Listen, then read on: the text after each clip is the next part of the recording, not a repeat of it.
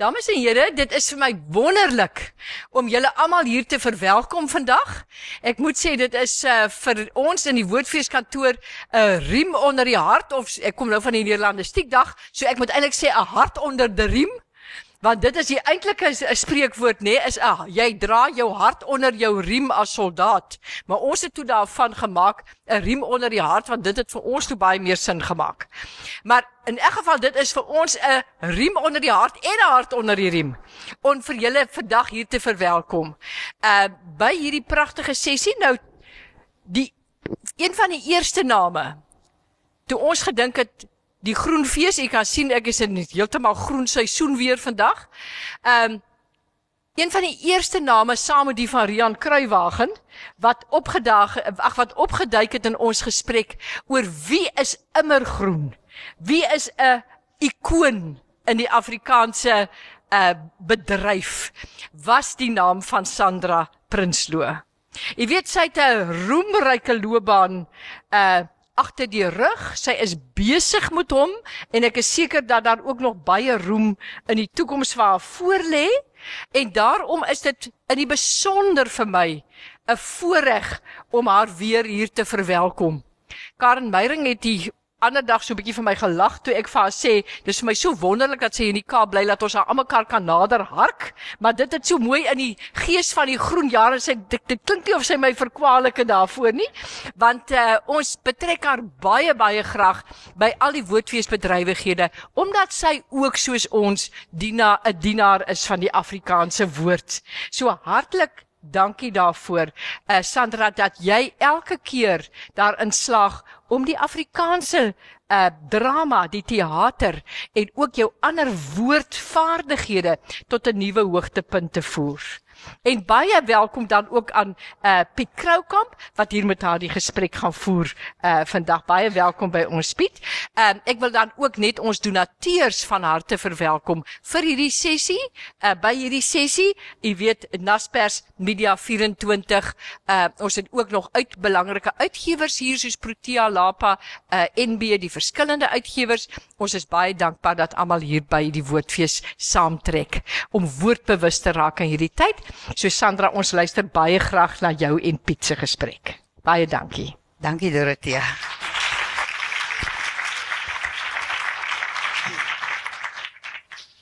Ja, ek dis hierdie werk ek ek uh, uh wil begin deur net te sê dat uh ek is eintlik lus neem vir Mike uh, vir vermeld baie baie kwaliek. Die tweede keer in my lewe toe ek onderhoud met iemand voer, toe sit Sandra Prinsloo oorkant my. I mean, how fair is that? Ehm um, die ehm um, Uh wat die, die formaat wat ek uh, gaan gebruik is maar ek gaan 'n bietjie met haar gesels uh, en dan uiteindelik sal ek uh lede van die gehoor toelaat om om ook 'n vraag of twee te vra. Ek is seker daar's heelwat vrae wat julle vra, maar Sandra, dit is dis uh, dis aangenaam om jou by die woordfees te hê en uh, dis dis vir hulle uh altyd jy weet 'n uh, belangrike uh deel van die fees as jy hier is, maar hoe was die hoe was die fees vir jou sover geweest? Wat het vir jou beteken? Ehm um, dankie dankie Dorothea. Ehm um, ek hoop nie my woordvaardighede laat my in steek vanoggend nie. en ehm um, Piet ja, dankie vir die verwelkoming. Man, die fees vir my was wonderlik geweest tot dusver. Ek het omtrent nog niks kon nie omdat ons ehm um, uh opvoerings gehad het van nagma in in 4 dae. En ehm um, maar dit was die bywoning was ongelooflik. Dit was propvol.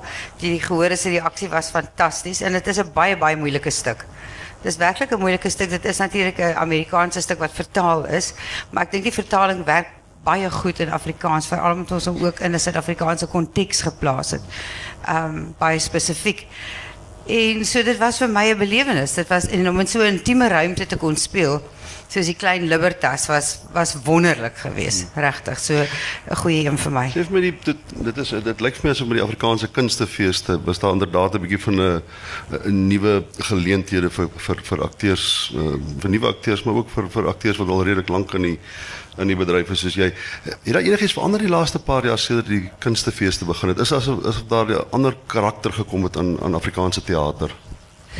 Ja, ek ek dink so. Ek ek dink feeste soos kan ek eers oor die feeste net iets sê. Ek dink iets soos die woordfees is vir my 'n wonderlike fees omdat mense voel dat mense werklik hier na toe kom omdat hulle die woord wil vier en omdat hulle werklik teater wil sien, nie omdat daar stalletjies is en jy weet, ehm um, 'n klomp van die biere en dronkstudente. Goed nie.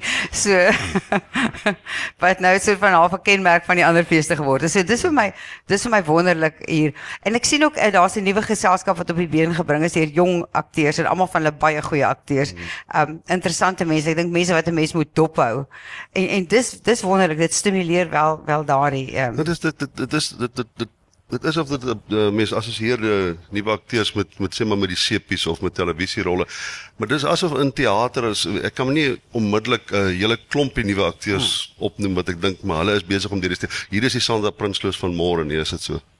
Jong, daar daar's daar's vir my in die Kaap snaaks genoeg eerder as daarbo. Ek dink in Johannesburg is die fokus maar nog steeds sepies, is dit TV, want mense moet oorleef. Maar hier in die Kaap sien jy hoeveel jong mense, jong akteurs, ehm um, hulle self toewy aan die teater en speel sonder dat daar vir hulle werklike vergoeding is. Ehm um, ek dink soos uh, aan 'n uh, jong maatskappy met die naam van the Mechanics en nou hierdie Peloni klomp wat op op die been gebring is. Wat 'n naam vir 'n geselskap die Pelonies ek net reg. Wie nie dit my. Maar maar in geval ek ek dink daar's werklik 'n 'n 'n gees in die Kaap wat wat teater weer aangryp en die gehore kom ook uit die Kaap. Baie meer as Johannesburg. Johannesburg bly in my dorp dink ek. Reflekteer dit so 'n bietjie iets van, van Ja, maar ek's lief vir Johannesburg. Ek lank daar gebly, maar maar dit is moeilik vir teater. Maar sê vir my sê net so 'n bietjie iets van want, want as ek met die Kaap assosieer dan is dit as dis dis 'n ander Afrikaanse karakter in die Kaap, is dit nie? Met ander woorde word Afrikaanse teater reflekteer dit so al sê net maar 'n Kaapse karakter in die sin van dit nie so net sê maar gemengde gehore of die die, die akteurs is 'n gemengde groep akteurs. Ja, nie, nie soveel nie, weet jy. Ek ek vind daar's nog steeds baie polarisasie as dit by gehore kom. Um ek meen as as ek gaan kyk na van die breinakteurs se se se opvoerings dan is daar 'n handjie vol uh blankes en dan andersom ook. Ja, wat en wat is die redes vir dit? Hoekom is dit so? Ek weet nie of dit dat die stukke mi- miskien te kultuurspesifiek is nie. Ehm um, en of ons nog net nie daai brug oorgesteek het nie of ons nog nie werklik daardie hande uitgereik het na mekaar nie. Ehm um, ek ek weet nie. Of miskien miskien wens- miskien skryf ons goed om by 'n gehoor aan te pas eerder as wat ons goed skryf 'n gehoor erns hier neem. nee. Ja, ek dink so, maar ek ek, ek voel 'n stuk soos nagmaak kan eintlik tot enige gehoor spreek. Hmm. Maar daar's nog steeds nie die kultuur dat dit word meestal maar nog deur blankes ondersteun. Sê vir my, wat moet dan nou in in teater gebeur? Watter uh groot geleentheid moet hom nou voordoen om weer die die die drama van die oomblik van jou soen met John Kani. Wat wat moet gebeur om weer so iets in teater wat almal daaroor praat nog jare later en wat hulle vir jou later jare op verhoor weer dieselfde vraag vra.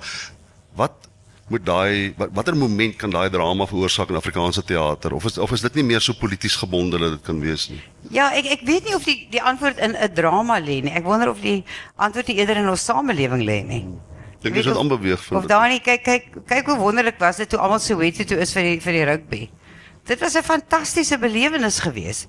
Ehm um, maar dit was 'n sosiale gebeurtenis. Ek weet nie daar daar is dinge in teater 'n stuk soos die naaimasjien wat Rachel Greef geskryf het, het mense weer teruggebring van van alle vlakke teruggebring teater toe. Dit was 'n ongelooflike ervaring. Maar nog steeds was my gehore meestal wit mense geweest. Dit was maar wit. Uh, so ek weet nie of dit in die teater lê nie. Dink jy dis die rede hoekom want ek dit dit lyk asof iemand soos jy byvoorbeeld en selfs Marius Weyers en verskeie van die meer prominente akteurs wat mense sê net maar onder die vorige bedeling hier in die 1980s 70s uh, noem dit nou maar onder apartheid en op een of ander manier het julle dit oorleef julle het in die nuwe stelsel julle is nog steeds prominent nog steeds dominant in die uh, in, in in teater en films ehm um, terwyl party mense so half konteks en polities gebonde gewees in bepaalde era en dit as dit ware verdwyn is dit nie Hoe het julle julle dit deur deur hierdie fases geleef het julle nie? Ja, ek dink so, maar jy sien ek dink ook 'n uh, 'n belangrike ding of 'n belangrike aspek van teater is protes. Um al- alhoewel ons almal op 'n stadium baie moeg geraak het vir protesteater, is dit miskien nou weer tyd om 'n bietjie te proteseer teen allerlei dinge. Maar So waar ek waarteen sal ons proteseer nou? Wel ek dink daar's baie dinge waarteen ons kan proteseer. Waar waarteen sal jy proteseer? waarteen sal ek proteseer? Ek sal ek sal gaan stap saam met Kusato gister. Ek sou nog saam met hulle gaan stap het om te proteseer. Ek dink daar's baie dinge um waarteen 'n mens kan protesteer teen die korrupsie. Mense skryf ligte goed, hulle skryf satiriese goed, maar ek wonder of mense nie 'n werklike in diepte stuk moet skryf oor oor moraliteit nie. Jy weet dit, dit ek is altyd baie bang om daai morele perdjie op te saal want hy kan so verkeerd gaan ook. Ja, die probleem is miskien ons is nie nou meer immoreel as wat ons was in die verlede nie. Ons is amper meer moreel. Dit is moeilik om nou oor moraliteit te dink. Wel wel dit dit hang af wat jy as moraliteit beskou. Um, ja. ek ek praat net my persoonlike lewe. O, ek is so bly vir jou Piet. ek is bly jy daai bruggie oorgesteek. Sê vir my die ehm uh, daar's uh, iemand het uh, eendag miskien 'n bietjie beheer beweeg na jou werk toe is uh, iemand het eendag uh, erns gesê uh, vir uh, 'n onderhoud vir iemand. Once you have finished the movie does the character leave you? Is daar daar's daar's bepaalde karakters waarmee jy omtrent permanent assosieer word. Mense verwys kort kort terug na jou rol in daai en daai bepaalde teaterstuk Ja, maar ek dink dit is waar wat hy gesê het. Dit is mens mens laat die rolle eintlik agter jy onthou natuurlik want jy het dit gedoen, maar maar ehm um, ek dink mense uit die gehoor sal vir my 'n oomblik noem of praat oor 'n oomblik of 'n reël. Dan kan ek dit nie eens onthou nie. Ek kan byvoorbeeld glad nie kwoteer uit enige van die Shakespeare's wat ek al gedoen het nie. Het sy dit in Afrikaans of Engels is ek ek ek maak daai laai uh, skoon. Jy moet plek maak vir die volgende karakter. Dis amper so 'n student wat eksamen skryf, sy uitstap het alles vergeet. Dis reg. Sê jy word meer werklik wyser nie.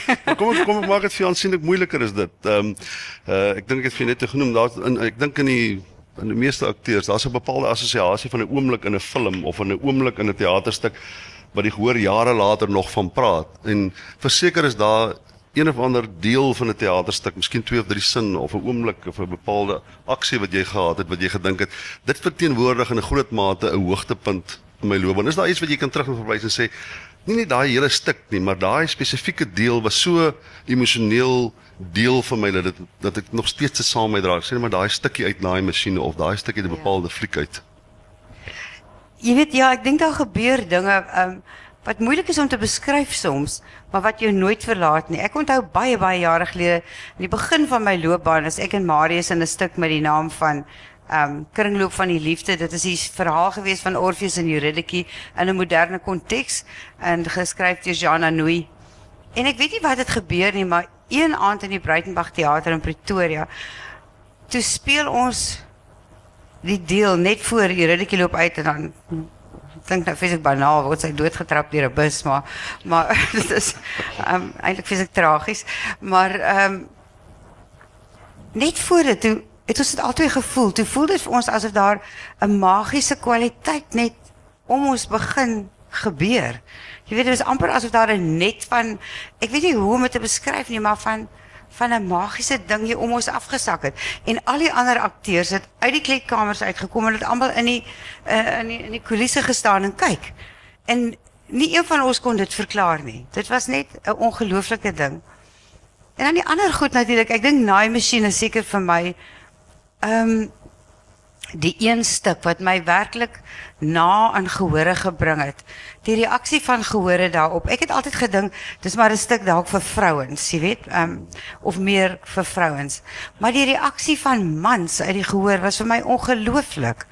Ehm um, en vir, en dit is nie net ouer mense nie, net jonger mense nie. Ek onthou een insident met 'n eh, toe ek my buiging neem. Toe sit daar 'n jong meisie, sy was seker so 16 en ek dink sy het langs haar ouma gesit. En sy het letterlik met haar kop so onder haar ouma se vlerk ingeduik en geskit soos hy huil. En toe dog ek net dis was my ongelooflik om te sien hoe daai twee generasies bymekaar uitkom. En 'n man wat my ehm um, omhels het op pad kleedkamer toe gesê my ma is laas donderdag dood en gesnik het in my arms soos 'n kind. Ek dink dit is fantasties, absoluut ongelooflik as teater daardie reaksie en daardie openhartigheid en mense kan uh, ontketen. Jy weet dit is dit is dis goed dat jy nooit vergeet nie. Vir my vir my drama en teater is altyd so half wat of dit emosioneel uitmergelend moet wees. Jy moet elke slag jy word iemand anders en jy moet dit op 'n manier word wat so half die diepste wese van daai persoon verteenwoordig. Word jy nie later moeg om iemand anders te wees en op 'n traumatiese wyse iemand anders te wees nie. Word nie so dat jy later dink ek wens ek kan 'n ander bloody job kry. Ek wil net vir 'n slag in die aand gaan slaap soos 'n normale mens en nie uitgemergel wees omdat ek een of ander ou mens moes wees of een van 'n kinderagtige en belaglike karakter nie. Nee, weet jy, ek word nooit moeg van die. Ek word nee, nee, nee, nee. Dit het ek nog nooit gedink nie. Ek dink ek het die lekkerste job in die hele wêreld. Ek dink ek ek kan enigiets wees wat ek wil. en niemand kan my daarvoor kwaad neem nie. Ek kan moer as ek wil. Ek kan doen net wat ek wil. Maar as jy maar as jy nou iets anders moes gewees, sien nou maar jy sien nou maar daar was nou nooit teater nie. Ons het in 'n primitiewe wêreld geleef waar ons net gaan werk het en huis toe gegaan het op 'n funksionele manier en jy met wat wat anderster sou jy gewees het? Wat sou Sandra Prinsloo gewees het as sy nie 'n aktrise was nie? Ek dink ek sou beslis 'n ontdekker gewees het van een of ander soort. Ja, 'n nee. Reisiger en 'n ontdekker. Ja, beslis en ja waarskynlik met 'n boot. So was 'n redelike eensame reis op 'n boot. ja, ek hoef nie alleen op die boot te wees. O ja. nie. By the way, net jy plek vir my. Jy plek vir my. die plek maak. Maar ek wil net vir jou sê ek het al baie keer in 'n rol gedink, o nee, hel, ek het nou gesien nee, ek wil hom nou weer 'n klug doen of 'n ding, want ek het hom nou vreeslike tragiese rolle gespeel die afgelope tyd. So dit is uitmergelend ja. Mens word moeg daarvan. Maar is nogtans is as jy dit eers begin speel, as jy op die verhoog is dan dit word jou bestaan en dit is fantasties. Sê vir my dit, uh, so dikwels ehm um, uh die dit waarna jy gespeel het dit dit um, dis dis omtrent as ek nou vir mense moet vra dan sal almal sê maar dis 'n bepaalde uitstaande of 'n bekende moment of meeste mense het 'n rekolleksie van wat jy gedoen het. Maar daar's ook akteurs wat in stukke speel wat waarskynlik ergens verdwyn. Dink jy dis omdat jy uh so lank in die bedryf is omdat jy met 'n bepaalde kwaliteit geassosieer word uh of kies jy eenvoudig net die stukke baie baie goed waaraan jy betrokke is? Is dit noodwendig altyd goeie stukke of maak jy baie keer van iets iets beter as wat dit was as toe dit geskryf is Sjoe, dis 'n klomp vrae, dis moeilik is. Um dis vir my moeilik om te weet wat bring ek um na 'n rol of of na 'n stuk toe behalwe die harde werk wat 'n mens insit en ek dink in die ervaring, ek dink ervaring is is 'n groot ding. Maar ek weet eh, mense onthou my vir Timmy en Siener in die suburbs en ek dink dit is juis omdat um Siener in die suburbs op daai tydstip so 'n ongewone stuk was. Dit het was so 'n deurbraak in Afrikaanse literatuur op die verhoog. Um waarom Ja, jy weet ag dit is baie moeilik. Ek weet om daai vraag eintlik te Jy het 'n beantwoord. stuk oor jou 'n stuk oor jou tafel gekom wat jy van die hand gewys het en wat later iets groots geword het wat jy gedink het nou daai rol was my aangebied en ek het nooit gevat nie. Ja, nogal snaaks genoeg en PG het my nooit daarvoor vergewe nie was 'n um, 'n sederval en waterkloof. Hy het Poppy vir my geskryf en ek het gedink dis 'n simpel karakter. En is daar iets is daar iets wat jy sou wou gespeel het wat jy nooit het die nie die geleentheid gekry nie. Jy was jy was in so baie goed betrokke geweest. Wat is daaroor wat jy gedink het ek wens iemand skryf 'n draaiboek of skryf iets vir dit dat ek nog daai rol kan vervul? ja, ek ek dink draaiboeke ja, kan 'n mens sê as ek kyk wat wat oor see gebeur, jy weet wat Judy Dench doen byvoorbeeld wat ehm um, uh, Meryl Streep, die rolle wat hulle kry. Ons ouer aktrises kry nie daai rolle in die filmbedryf hier nie. Ons kry dit vir die verhoog wat fantasties is. Soos my heerlik die rolle wat ek nou kry. Maar ag jong, as jy jy weet hier as jy bo 30 is, is jy omtrent nie in 'n film nie. Of jy of jy speel 'n ma of 'n maar wat nie een- wat eintlik vreeslik beduidend is nie, jy weet ja. Sê vir my en en, en uh, verseker baie keer ek ek onthou toe ek 'n jong laaitie was en ek daar vir die derde span uitgedraf het ek al gedog hel ek sal hom graag vir die eerste span wil speel. En as die Springbokke sien speel dink ek moer ek wil hom graag vir die Springbokke speel. Is, is, is daar 'n groter wêreld wat jy dink ek wens ek het in daai terrein gespeel. Ek ek was in daai atmosfeer en wêreld blootgestel. As as jy soms sit en jy kyk na die Oscars byvoorbeeld, dink jy Ehm um, miskien was die feit dat ek gebonde in Suid-Afrika was vir groot deel van my lewe, miskien het dit my weggehou van daai groter prentjie. Ag, Piet, weet jy nee, nie regtig nie. Um ek het het ek ek het kans gehad om in uh ek daar was 'n agent in Engeland wat wat my wou verteenwoordig. Maar ek het op daai stadium gevoel ek het 'n gevestigde loopbaan. Ek was nog jonk, maar ek het 'n reeds reeds 'n gevestigde loopbaan gehad. Die die werk was uitdagend, die werk was lekker en ek weet nie dis vir my lekker om te werk met goed wat uit eie bodem kom. Ja, wat van wat van wat van uh, kom ek wees nou maar so wyn soos ek is. Wat van wat van erkenning? Wat wat was dit mense gedink het miskien wil ek op 'n vir dieselfde kwaliteit werk wat ek hier doen op 'n groter verhoog erkenning hê. Ja, ehm Um, jy klink bietjie klink 'n bietjie oppervlakkig en plastiek. Dis alright. Fyn. jy kan so wees. Jy kan vrolik sê man, hier ja, ek wil baie graag 'n Oscar gewen het. Maar weet jy, ek ek werk nie so nie. Ek dink nie so nie. Ek dink nie eers ek wil baie graag 'n vleurde kap wen of dit of dat nie. Dis nie vir my waar my werk gaan nie. My werk gaan vir my oor die kwaliteit werk wat ek kan doen. Um ek dink ek is geweldig toegewyd aan my werk. En waar ek dit nou ook al doen, maar ja, jy seker reg, dit sou seker lekker gewees het om om my eie vliegtyg te gehad het, maar as jy nou wil hê ek moet oppervlakkig wees. Um As ek kan aftrek na my vlak toe. Wat sê jy? Ek het nou ek het nou afgedaal na jou vraag toe ja. Sê my, iemand soos PG Du Plessis en Marius Weyers, daar's bepaalde individue wat 'n mens spesifiek assosieer met jou as persoon, miskien as deel van jou vriendskappe, maar ook as deel van jou werk. Is daar ander individue wat jy kan wat jy kan sê maar hierdie persone het 'n 'n kardinale rol gespeel in die wyse hoe ek uiteindelik my werk gedoen het? Ag ja, nee, natuurlik baie. En veral natuurlik regisseurs. Ehm um, iemand soos François Swart wat 'n ongelooflike regisseur en 'n en 'n mentor was vir my. En dan Barney Simon van die Markteater wat wat mens weer na 'n heeltemal 'n ander uh realiteit gevat het eintlik. Dit was hy het 'n ander manier gehad van werk. Ehm um, dit was miskien baie gebonde aan die 70s en die 80s, maar dit was 'n fantastiese en iemand soos Ethel Fugard. Weet jy met Ethel Fugard het ek altyd het gevoel en ek het net eendag saam met hom gewerk dat ek sal van 'n gebou afspring en hy sal my vang. Ek sal ek sal okay wees, jy weet hy. Het letterlik daai tipe vertroue in die man gehad. Ehm um, daar was 'n wonderlike regisseur met die naam van Lucille Gilwald wat weer 'n lang pad gestap het wat vir my van onskatbare waarde was. En dan dink ek daar die hele vroeë trukgeselskap. Dit was 'n ongelooflike periode van van teater, van mense om mee te werk. Ons het van mekaar geleer, ons het mekaar ondersteun, ons het ons het ons byna dood gewerk, maar ons het grense verskuif. Hmm. En ons het mekaar se grense verskuif en ek dink dis wat lekker is. Dis wat lekker is van 'n geselskap. Is dat jy speel een oomblik speel jy 'n komedierol of 'n klugrol en die volgende oomblik speel jy dit en, en te gelyk. Ek meen jy speel in die aand die tragedie en in die dag repeteer jy die die klug. Ehm um, dit is nogal grensverskuivend om sulke goed te doen want jy moet jou kop om baie goed vinnig kry. Ja. Jy weet jy, jy, jy ja. Kom ek kom ek raak net so 'n bietjie onderverdig persoonlik as dit ware. Uh, Oh, kom ek. Uh, jou lewe is is, is 'n redelike openbare almanak. Ons weet waartoe jy gaan, ons weet waarvan jy kom. Ons het 'n uh, goeie begrip vir vir die kompleksiteit van uh, hoe jy rolle uitvoer goed. Maar maar verseker dat jy 'n persoonlike lewe waar jy uh verlies ervaar en eensaamheid ervaar en uh dinge soms nou nie noodwendig loop planmatig of iets nie. Sou jy jouself beskou as 'n as 'n deurlopend gelukkige mens? Mense wat sê maar soos wat jy graag sê hierdie pioniers tipe lewe lei is 'n is 'n vrygeestige mens. Dis 'n ongekompliseerde mens baie dikwels. Maar is, is there something else to it?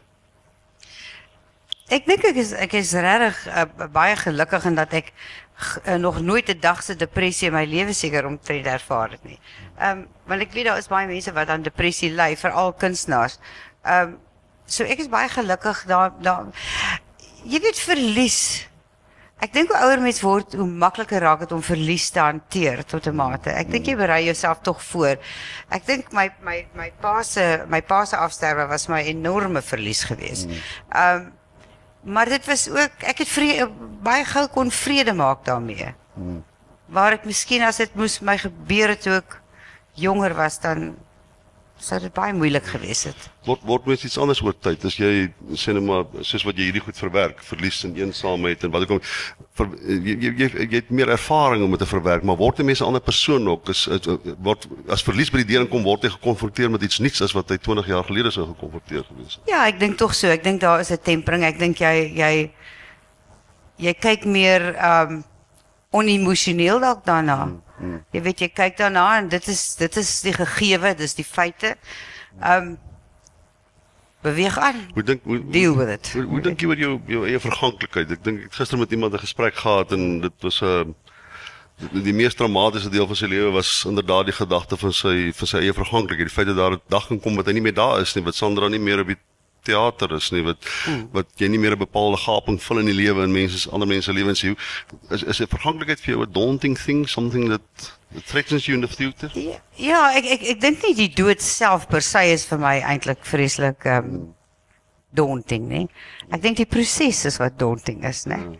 dit is ek dink as 'n mens um ek het altyd gesê as ek op 'n stadium kom wat ek nie meer kan hardloop as ek wil hardloop nie of as ek nie meer dinge kan doen wat ek wil doen nie of maar ek dink mense groot my grootste vrees is dat ek dat ek my verstand sal verloor.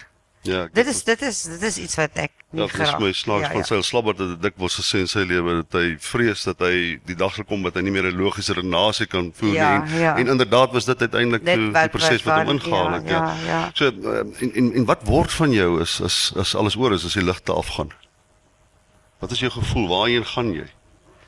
Dat jy 'n boeddhistiese trek en jy moet dink ek kom op een of ander manier terug as Marius Weyers of of Nathaniel. Nee, ek sal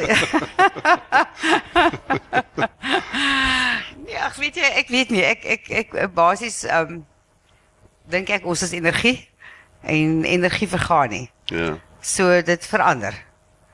Maar wat op aarde vir my wag? Maar jy koester so 'n paar bygelowe hier sien dit dit met met ek dink hulle al oor. Wel ek dink gepraat, 'n mens so- het bygelowe nodig om om te om om om te cope. om seker te maak jou vrese gelowe of bygelowe wat jy dit om seker te maak jou vrese is onskuldig. Ja. Verstaan jy? As ek nou bang moet wees met ek bang is ek stap onder deur 'n leer. Ja, dis dis nie maklike vrae om te beantwoord daai nie, want want uh, Okay, ek gaan so 'n bietjie kans gee as daar een of twee van julle is wat graag 'n uh, vraag vir Sandra wil vra. Dan kan jy jou hand opsteek en ek dink daar is 'n mic wat rondgaan. Uh, staan jy vry om om 'n vraag te vra as daar iemand. Jong, met Sonja loods was ek so die eerste asem wil niemand gevra het want hulle hulle hulle voel bedreig deur die situasie, maar as jy dit net nou weer vra, dan is- Ja. dan is dan is dan wil loop, dan dat as jy wil loop dan dan dan dan wil almal almal skielik vir vir vra. Sê vir my uh, ek staan met die erns met Meryl Streep dink jy maar ek dink Meryl Streep is omtrent vir almal 'n ikoniese tipe van dit is wat is is is, is, is sy die een persoon wat jy dink wat daai diverse tipe van rolle gespeel het en daai uitdagende rolle gespeel het wat jy wat jy dink wat 'n tipe van aspirasie vir jou is. Ja, absoluut. Um, ek dink Meryl Streep is nou die een aktrise wat vir my 'n on-Amerikaanse aktrise is. Hmm. Jy weet in in in haar benadering tot haar werk en haar diversiteit, um haar toewyding. Sy sy is net ongelooflik. Maar want ek het altyd ek het ook baie altyd gehou van Simone Signoret. Ek weet nie of jy haar kan onthou nie, die ou Franse aktrise. Sy was vir my ongelooflik. Sy was my inspirasie altyd. Hmm. Ek het altyd meer van die Europese aktrises en akteurs gehou as wat ek van die Amerikaanses gehou het, moet ek eerlikwaar sê. As ek verkeerd is, ek sê ek kry deesdae die indruk en ek dink eh uh, Charlize Theron het dit met daai indruk gegee is dat hulle begin later bepaalde draaiboeke skryf spesifiek vir om 'n veel eisende rol te wees vir 'n baie spesifieke aktrise wat tot 'n Oscar kan lei. En mense wil amper dink dat die, die Margaret Thatcher rol van Meryl Streep ek het die ander gekry hierdie rol is so geskryf dat as Meryl Streep moet speel as jy die twee bymekaar sit dan gaan jy definitief 'n Oscar kry. Is dit dink jy dit gebeur? Ja, ek ek dink daar daar's 'n groot uh, mate van waarheid daarin want as jy dink aan Monster ook, nee, ek meen Charlize Dis dieselfde self- ja. ja. Sy sy self die vervaardiger ook gewees. En ehm um, maar as alles vir my ook van 'n effense naïwiteit vir my aan die Oscars of of met die Amerikaanse uh miskien nie die gehore nie, maar maar die beoordelaars is dat dis maklik om 'n rol te speel en jy lyk lelik of jy lyk anders of jy weet wat ek bedoel. Dit is nie so moeilik nie. Wat moeilik is is om 'n rol te speel wat ons noem 'n straight role. Jy weet net 'n reguit. En Meryl Streep het al honderde van daai gespeel en elke een is anders. Ja. Elke karakter wat sy skep is anders. En en dis Maar ek vir my Catherine Hepburn en en ander ouer ouer uh, Ja, Hebben ook, maar Hebben was meer spesifiek Hebben. Sy het haar eie styl gehad van Ja. speel. Maar Meryl Streep is werklik 'n verkleermannetjie. Weet Sal jy sal jy 'n rol kan speel van iemand wat it's truly mad? Dit is amper soos Jack Nicholson wat hy werklik mal word. Ek dink vir hom is dit eintlik maklik om mal te word of maklik ook. maar hy hy dit is Hy wel amper dit bietjie is amper, asof mal sy default setting is en hy gedraan op op so so jy so 'n uh, werklike bizarre mal karakter kan speel. Of is dit Ek uitdaging? glo ek sou kan. Ek ek ja. ek sou graag wou, jy weet, dit wou probeer want dit lê so so al ver van my af, ja. Nie bizar of mal nie. Okay, ek het vir jou laaste vraag vra. Die, die mense maak vreeslik gewag. Ek ek dink dit uh, Mel stuur vir my e-pos. Hy sê vir my praat met uh, Sandra oor haar lewe en werk en ek dink in die program staan ek moet oor jou oor jou ewige skoonheid praat. Ek O, ek, ek, ek is ek is en dis dis dis dis duidelik dat hier baie vrouens sit wat op 'n of ander manier of baie graag soos jy wil wees of soos jy wil lyk like, of wat minstens daai tipe van waardigheid uitstraal wat jy het. is is, is dit dis dis half 'n sekondêre projek in jou lewe om op 'n of ander manier so 'n beeld te manifesteer dat mense dink wel dit dit is ewigdurend. Dit het dit het 'n langtermyn tipe waarde, is dit nie? Nee, weet jy werklik ek Jy's nog mooi, jy's regtig mooi. Ag, dankie man. ek het nog nooit daaraan gedink dat dit eintlik uh, vreeslik belangrik is om 'n beeld te hê wat mens na buite te maar jy lei uitstraal. daai lewe. Jy lei 'n lewe Maar ek, wat ek dit lei 'n gesonde lewe en ek ek, ek ek dis miskien maar geneties ook, jy weet, ek my pa se ek was my pa, sy verstand was nog baie helder op 96 toe hy dood is. En ehm um, ek ek weet nie, ek kan net nie die punt daan sien om vroeër te verouder as wat dit nodig is nie. Want die, die lewe is vir my lekker. Ek geniet wat ek doen. En ek ek ek is 'n fisiese mens ook. So ek hou van seil, ek hou van duik, ek hou van stap en ek wil nie hê daai goed moet ophou in my lewe nie, want dit gaan my lewe geweldig verarm as ek dit nie meer Maar doen nie. daar's dele van die lewe wat so half, ek wil amper sê verouder in die sin van dat dit dit bepaalde waarde verloor. Ek toe ek op 22 is wou ek by elke vrou wat ek ken geslaap het, toe ek 30 is wou ek by party geslaap het en nou het, nou het ek 50 is dink ek miskien is dit weer weer een keer kan gebeur. Is Is daar daar's is daar dele van jou so van jou skoonheid wat so half verouder sodat dit nie meer so belangrik raak nie, dit het agter agter. Ag ja, absoluut. Jy weet, ek dink ek dit dit is werklik eh, dat ja, daar's ek gee nie eintlik meer so verskriklik om nie. Mense kan my maar sien en want mense het al vir my gevra, maar hoe voel dit vir jou om om uh, uh, jy weet 'n naaimasjien, 'n 81 jarige te speel en jouself so te verouder, jy weet, um, is dit nie vir jou verskriklik nie? Sê ek nee, maar soos 'n vriendin van my gesê het, ek is lank genoeg doen, hoef ek nie meer die gremering te doen nie. So Nee, maar dit is my was vir my nog nooit 'n probleem om myself lelik te maak, vet te maak, oud te maak, wat ook al nie. Dit dis vir my dis vir my lekker eintlik. Ja, in in 'n sekere klisjé konteks as dit ware word word word verhoudings word 'n word 'n natuurlike proses van samesyn en saamleef en dinge saam doen. Dis alles goed wat as jy met dit vir jong mense sê, nee nee nee nee, ons sit eintlik ander intensies met mekaar. So daai is 'n natuurlike progressie hoe verhoudings verander, maar wat van die die konsep van hoe mense liefhet? Verander dit word dit dat mense op 'n ander manier lief. Ek praat nie van die praktiese manifestasies daarvan nie, maar het die mense op 'n ander manier lief. Die woord bemin bemin word assosieer ek met as jy 30 is. Die woord liefde is iets wat ek miskien in my laat jare met myself assosieer. Ek kan nog lief wees, maar ek kan nie meer bemin nie. Is is, is daar verander iets daarvan? Jong, miskien vra jy nou die verkeerde persoon. Ehm um, Ek weet nie, dink jy dit verander soveel? Ek wonder of dit soveel verander. Wat is dit? Ja, ek dink ek dink ehm um,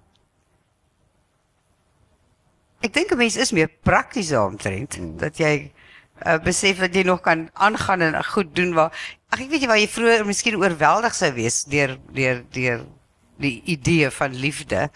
Is dit nou meer ehm um, ja, dit kan dalk werk of ek weet nie, nie hel, ek, Ek weet nie jou hoe later vra jy vra. 'n simpel vraag. Is daar nou iemand wat self genoeg selfvertroue openbaar? Daar's hy. Da- Daar's daar's 'n mikrofoon wat hier rondgelaat kom hy. Sandra, baie dankie vir nagma. Ek kon die nag nie slaap nie. Ek is jammer daaroor. Nee, ek was absoluut opgewonde want ek het dit deurleef vir die hele nag. Nou jy wat so alles insit met jou applous neem, jou wange was nat van die trane. En dit was baie roerend. Het jy soos baie akteurs 'n klein ritueel as jy so 'n intense rol gespeel het om jou te help afskakel om aan slaap te raak of as jy jou gremering af het en jy loop uit laat jy dit daar want dit was darem 'n verskriklike intense spel wat jy daar gelewer het. Eh, eh, Ja, eh, dankie. Ehm um, ek het ek het ehm um, nou eendag vir iemand gesê nagmaal is die een rol wat my na drank laat gryp. ek dink 'n goeie glas rooiwyn en 'n boek. Dis maar eintlik my ritueel. Ek gaan ek gaan sit buite en kyk na die sterre. Maar ehm um, jy weet soms is dit ook maar ons is ehm um, wat wat wel lekker is van iets soos nagmaal is dat ek nie alleen in 'n stuk is nie. So as ek van die verhoog af kom is ek nie alleen nie. Daar's iemand om mee te praat waar met met naaimasjien is jy alleen. En dan raak dit nogal moeilik soms want jy jy voel nogal alleen en jy voel nogal uh kwesbaar en so. Maar maar ek dink ja, as niks verkeerd met 'n goeie glas rooiwyn nie. Kyk bietjie na die sterre. Maar as jy as as jy as jy huil, huil is dit huil jy werklik en wel jy dit ek weet dis deel van Ja, nee. jy, maar maar is die is dit is daar werklik die emosie van van hartseer of smart die oomblik wat jy Ja, ja, nee, natuurlik, mens kan nie Dis nie asof jy dit kan onafhanklik, jy kan dit maak werk nie, maar dis Nee. nog nie noodwendig Nee, dis daar nie soos wat Wena nou dit gesê jy moet hierdie velletjie baie hard knyp hierso. Dis sal jy trane kry, maar nie. Ek werk nie so nie. Nog iemand? Miskien 'n vraag of vra? Hulle het- het hulle het so baie Daar vrae is iemand daar heel agter, Daar is ja. iemand agter, ja. So baie vrae gevra vroeër vanaand, vroeër vandag toe ek met mense gepraat het. Nou is hulle stom. Nou is dit stil. Uh, ek is een van die ongelukkiges wat nie na nagmaak kon gaan kyk nie. Ek wil graag weet gaan hy verder opgevoer word by ander feeste? Ehm um, ons ons is ons dink nog 'n bietjie daaroor. Ons het hom vir die oomblik stop gesit.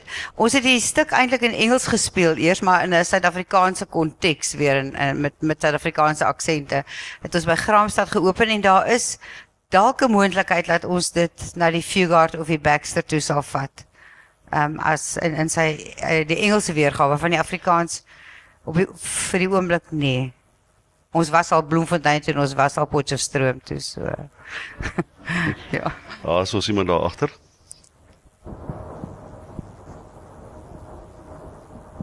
My man praat nog altyd van jou wat in jou bikini uitgekom het by dooie duikers deel nie.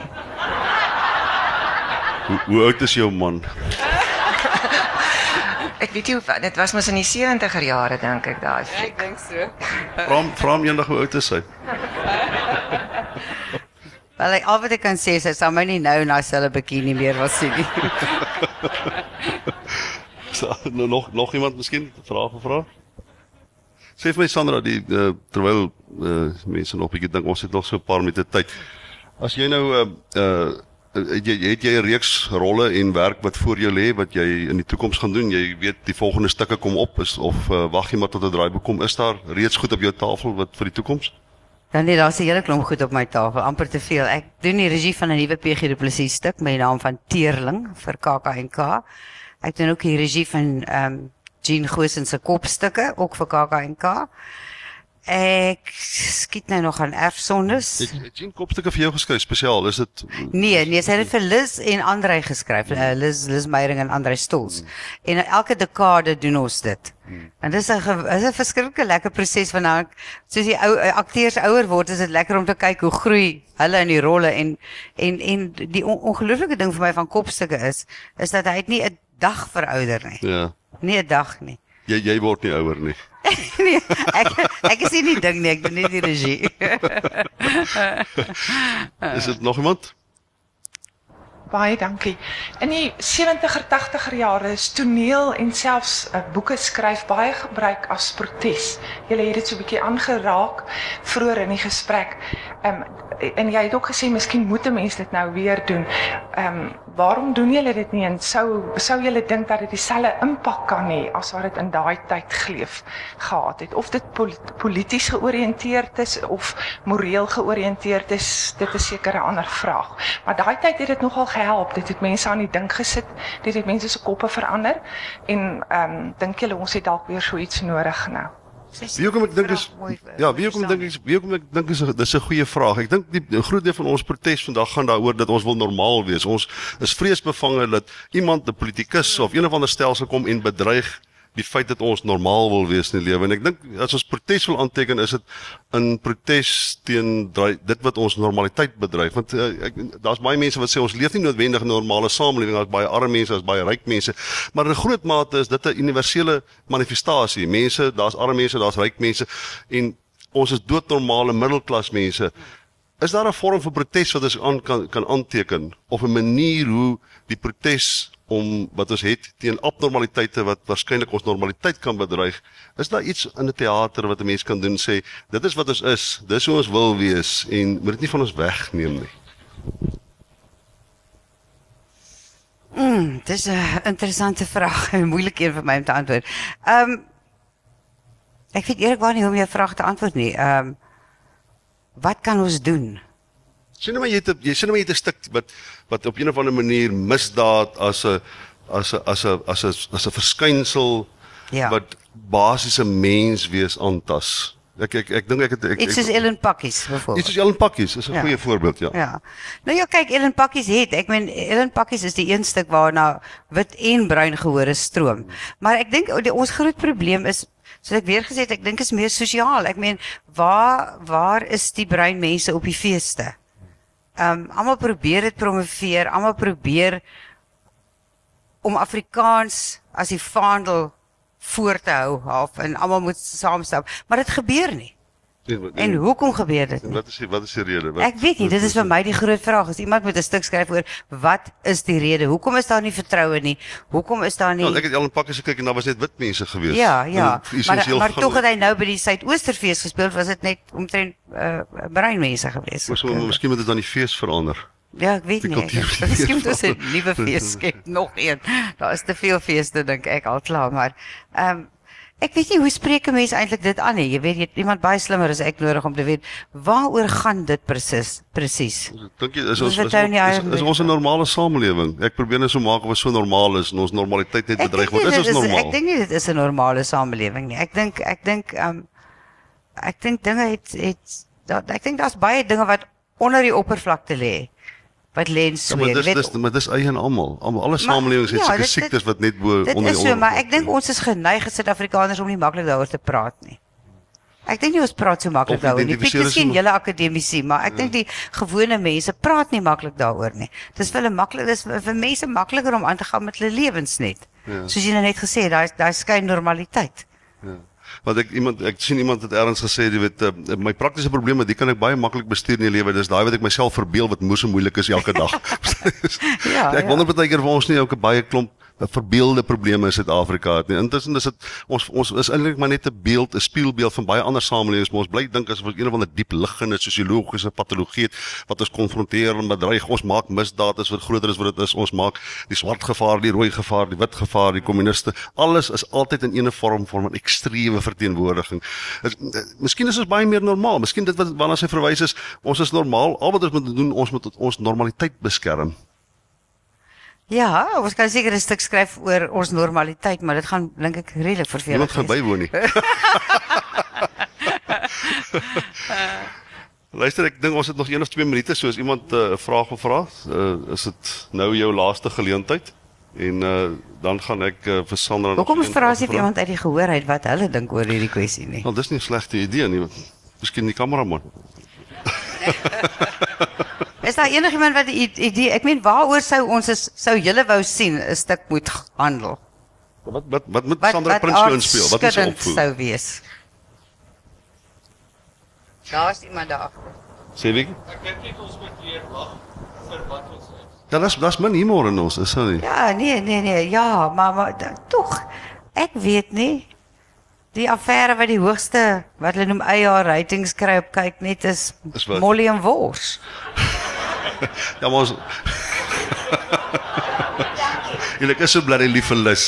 En ek hou so baie van haar. Sy's so 'n nice net mens. so lief vir haar, maar Molly en Wors. Mens moet werk. Daar's iemand agter, ja? Ek dink oor die goeie goed in ons land. Daar is ongelooflike goeie goed en ons sien dit nie. Ja, maar ek, ek weet Ja, ek ja, dink jou- positiewe, ja, ja, ja, ja. Jou, jou probleem is jy dit weer eens hoe voer jy dit op? Hoe maak jy dit? Want die ding is teater is maar oor trauma en drama en pyn en wroeg en swaar kry. Anders is dit kom kyk dit- mense Dit nie. gaan oor konfrontasie gewoonlik. Ek meen as daar nie ja. konfrontasie in 'n drama is nie, is jy het jy nie 'n drama nie. Hmm. So om net oor die goeie goed te skryf, uh ag, jy weet dan eindig jy op met ehm um, hierdie boekies wat jy op jou bedtafel het om jou te laat beter voel. Die oor die Gideonsbybel. samelewing. Ja, daai goed.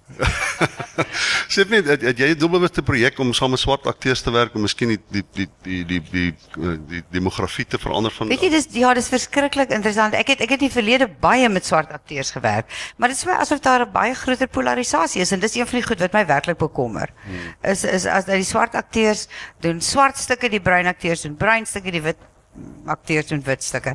En ek weet nie hoe kry ons het iemand nodig om vir ons iets te skryf dink As jy as jy aan Amerikaanse films kyk, is daar 'n 'n liefdesverhouding is tussen twee swart akteurs en die liefdesverhouding is tussen twee wit akteurs. Die oomblik wat dit so 'n bietjie oor die kleurgrens gaan, dan word dit 'n baie spesifieke event omtrent in die in die industrie. Is dit nie is dit nie miskien ook maar normaal dan nie? Ja, maar ek ek dink word al hoe minder. Ek meen jy sien al hoe meer dat daar wel dat dat dat swart akteurs 'n rol sal speel selfs in 'n Shakespeare wat jy dink nou hoe kan hy Lord so en so wees, jy weet. maar maar dit werk. Dis Ja, bepaalde rolle word swaalf geallokeer vir ja, bepaalde ja, identiteite as dit ware. Ja, ja. Maar ook dat jy wegkom van daai stereotipering, jy Ja. weet. Sê vir my en en en, en, en dink jy ons in Suid-Afrika is meer sensitief daarvoor? Dink jy ander mense het nou al gewoond geraak daaraan dat daar spesifieke rolle vir spesifieke individue, spesifieke natuur, spesifieke karakters. Maar ons moet net gewoond raak dan dat dit dat dit so geskryf word. Dit Ja, ek dink so. Ek meen gelukkig sal niemand deesdae Othello doen en 'n wit akteur swart smeer nie. Dit sal net nie gebeur nie. Wat wel gebeur het in die 80er en die Ja, 70er ja. jare. Ehm so so so ek meen ons het daarom baie vorentoe beweeg. Maar ek voel net daar dit is vir my asof ons ek by die Markteater begin speel het was daar baie meer vermenging gewees as wat daar nou is. Maar ja, die- die- spesifiek is dit nie 80s waarvan jy praat, 70s, wanneer was dit In die gewees? 80er jare en die- en 80er dit was moeilike jare gewees. Kyk, by die 80er jare was daar omtrent 'n 'n definitiewe projek om die skakering te verander van teater. Ja. Intussen het die noodsaaklikheid daarvan verdwyn om met protes uh uh kuns verdwyn het as dit ware. Is ja, maar dan is dit vir my nou net jammer dat dat wat daar begin is is nie deurgevoer nie. Ja. Dit bestaan nie meer vandag omtrent nie. Baie Ons is, selde. ons is weer terug. Ons en maar weer daar's minder spanning daaroor, né? Is dit nie? Dis nie asof ons daar's nie weet selfs die rugby span. Hulle sê nee, maar ons ons beweeg nou weg van kwotas af. Ja, dan nou ja. daai geforseerde integrasie is is nie meer die politiek korrekte ding nee, ek noodwendig dink nie. geforseerde integrasie is 'n is 'n is 'n- 'n 'n vergryslike affære, maar maar ons lewe tog in 'n multikulturele Hmm. uh, land. En mense sou dink dat daar Ja, mense verwag meer as meer Ja, daar daar's 'n ja. klompie spanning opgesluit in 'n multikulturele samelewing, maar ons Ja. sien nie manifestasie daarvan in ons kunste nie. Nee, ons sien En dit nie in die kunste Ek eintlik. ek sal dis interessant is om te kyk as jy na 'n plek soos Brasil gaan wat baie multikultureel is. Op Ja. watter wyse word bepaalde spanningslyne geïdentifiseer in teater of in die kunste wat spesifiek te doen het met die multikulturele aard van van van hulle kunste. ja, dis eintlik wat ek bedoel. Ek, ek bedoel glad nie dat dit geforseer moet wees of dat jy moet nou 'n kwota stelsel hê nie, maar ek ek dink net wat gaan aan? Jy weet? ja. Hoekom is daar nie hoekom is daar nie meer spanning as wat daar moet wees nie? Sandra, baie baie dankie. Dis is daar nog iemand? OK. Ja. Ek wou net gevra het, jy weet, eh, toe ek jonk was, Afrikaanse toneel spesifiek, as jy nou aan die amateur en professionele toneelgeselskappe dink, ons dink aan Siegfried Meinhard, Wena Naudé, Andre Hugenay. Ehm dit is na die platteland toegeneem oral. Dit was omtrent die enigste vermaak wat ons plattelandse Afrikaners gehad het en dit was ons um, goeie upper middelklas van die bevolking. Nou van die Afrikaanssprekendes nou praat ons dat daar nie gemengde gehore is nie. Ek dink die tipe Afrikaner in blanke wat daai tyd toneel besoek het. Onder die gekleerdes wat ons nou min of meer op daai selfe stand sal plaas in die samelewing. Vir hulle gaan dit dikwels oor oorlewing, die brood, die melk, die kinders se skoolgeld. Dis nie 'n onbelangstelling nie, maar dit is beslis nie 'n eerste prioriteit nie. Speel dit nie, ek wil dit nie verpolitiseer nie, maar speel dit nie 'n rol in die bywonings van dat daar nie meer gemengde teater bywoning is nie. Dis tog nie jou elite nie. Ons sien eintlik baie min van die hogere mense in geld elite, swart of wit, wat teater bywoon. Dis jou soliede upper middelklas en bestaan daardie klas grootendeels in ons gekleurde of swart bevolking. Is daar behoefte? Dink jy daar's Ja, ek, ek dink maar ek dink daar is daar is 'n uh, 'n redelike stewige middelklas in in van alle kleurgroepe wat wat wat bestaan. Ehm um, so ek dink dit is bloot ekonomiese faktore wat hulle weghou uit die teater nie. Maar mense kan dieselfde vir Johannesburg sê, hoekom gaan Johannesburgers nie teater toe nie? Hulle gaan net pantomimes doen en en musicals. kan die mense in die Kaap meer teater toe? Is- Ja, nee, die mense in die Kaap gaan teater toe. Pragtig. Ja, kan jy glo? Baie sleg is. Julle moet iets doen daarbo. Luister baie baie dankie Sandra. Dis 'n uh, groot voorreg vir my gewees die tweede keer in my lewe dat ek met iemand openbaar praat as dit jy en ek het my highlights vroeg gehad, die lowlights is nou op pad. Dis baie baie dankie. Ek waardeer dit vreeslik. Baie dankie dat julle gekom het en uh ongelukkig anders is uh, wat ek normaalweg vir mense sê, daar's boeke daar buite wat sy sal teken. Sandra gaan die boeke buite teken, maar ek is seker sy gaan nog hier rond wees. Een of twee wat dalk meer selfvertroue sal hê met haar te gesels. Sandra, baie baie dankie. Dit was 'n groot voorreg vir my gewees. Dankie Piet, baie dankie vir jou. Dankie vir julle.